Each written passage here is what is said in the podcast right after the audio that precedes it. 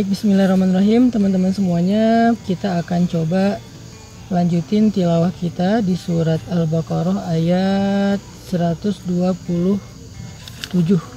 Eh 120. Kebenaran sekarang saya lagi nemenin keluarga di Pulau Nami. Jadi biarin mereka main sambil nunggu kita tilawah dulu. أعوذ بالله من الشيطان الرجيم. بسم الله الرحمن الرحيم.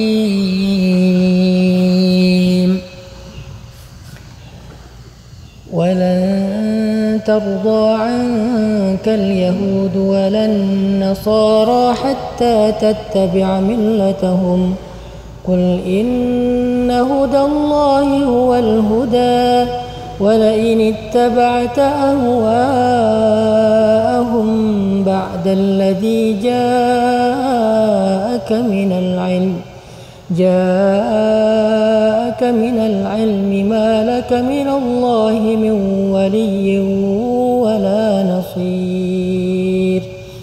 الذين آتيناهم الكتاب يتلونه حق تلاوته أولئك يؤمنون به ومن يكفر به فأولئك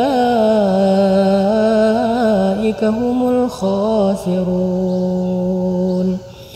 يا بني إسرائيل اذكروا نعمتي التي أنعمت عليكم وأني فضلتكم على العالمين. واتقوا يوما لا تجزي نفس عن نفس شيئا ولا يقبل منها عدل ولا تنفعها شفاعة ولا هم ينصرون. وإذ ابتلى إبراهيم ربه بكلمات فأتمهن قال إني جاعلك للناس إماما. قال ومن ذريتي؟ قال لا ينال عهد الظالمين. وإذ جعلنا البيت مثابة للناس وأمنا واتخذوا من مقام إبراهيم مصلى وعهدنا إلى إبراهيم وإسماعيل أن طهر بيتي للطائفين والعاكفين والركع السجود. وإذ قال إبراهيم رب اجعل هذا بلدا آمنا وارزق أهله من الثمرات من آمن منهم بالله واليوم الآخر. قال ومن كفر فأمتعه قليلا ثم أضطره إلى عذاب النار وبئس المصير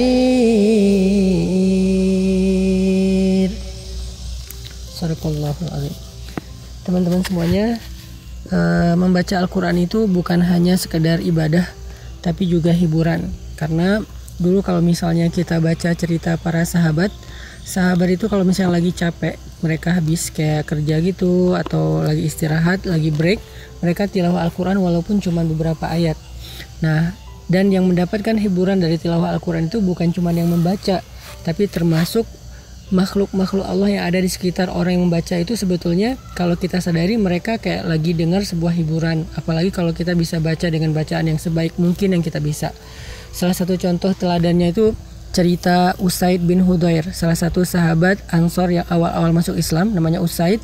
Usaid itu kalau dia lagi break dari uh, berkebunnya di kebun korma dia baca Al-Quran beberapa ayat. Nah, kalau Usaid lagi baca Al-Quran biasanya di atas Usaid itu awan ngumpul.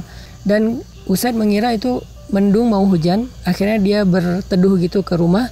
Ternyata ke mana pun dia berjalan awan mengikutinya karena pengen dengar bacaan tilawah dari Usaid bin Hudair. Itu artinya bacaan Al-Quran itu hiburan banget buat semesta dan buat hati kita walaupun mungkin kita nggak ngalamin apa yang dialamin oleh Usaid sekeren itu tapi minimal kita yakin bahwa yang namanya baca Al-Quran itu emang hiburan sehingga walaupun saya punya keyakinan mazhab bahwa tidak semua musik itu haram tapi tetap saya yakin bahwa yang namanya mendengar dan membaca Al-Quran lebih baik daripada hiburan apa pun. Mudah-mudahan kita semangat terus bertilawah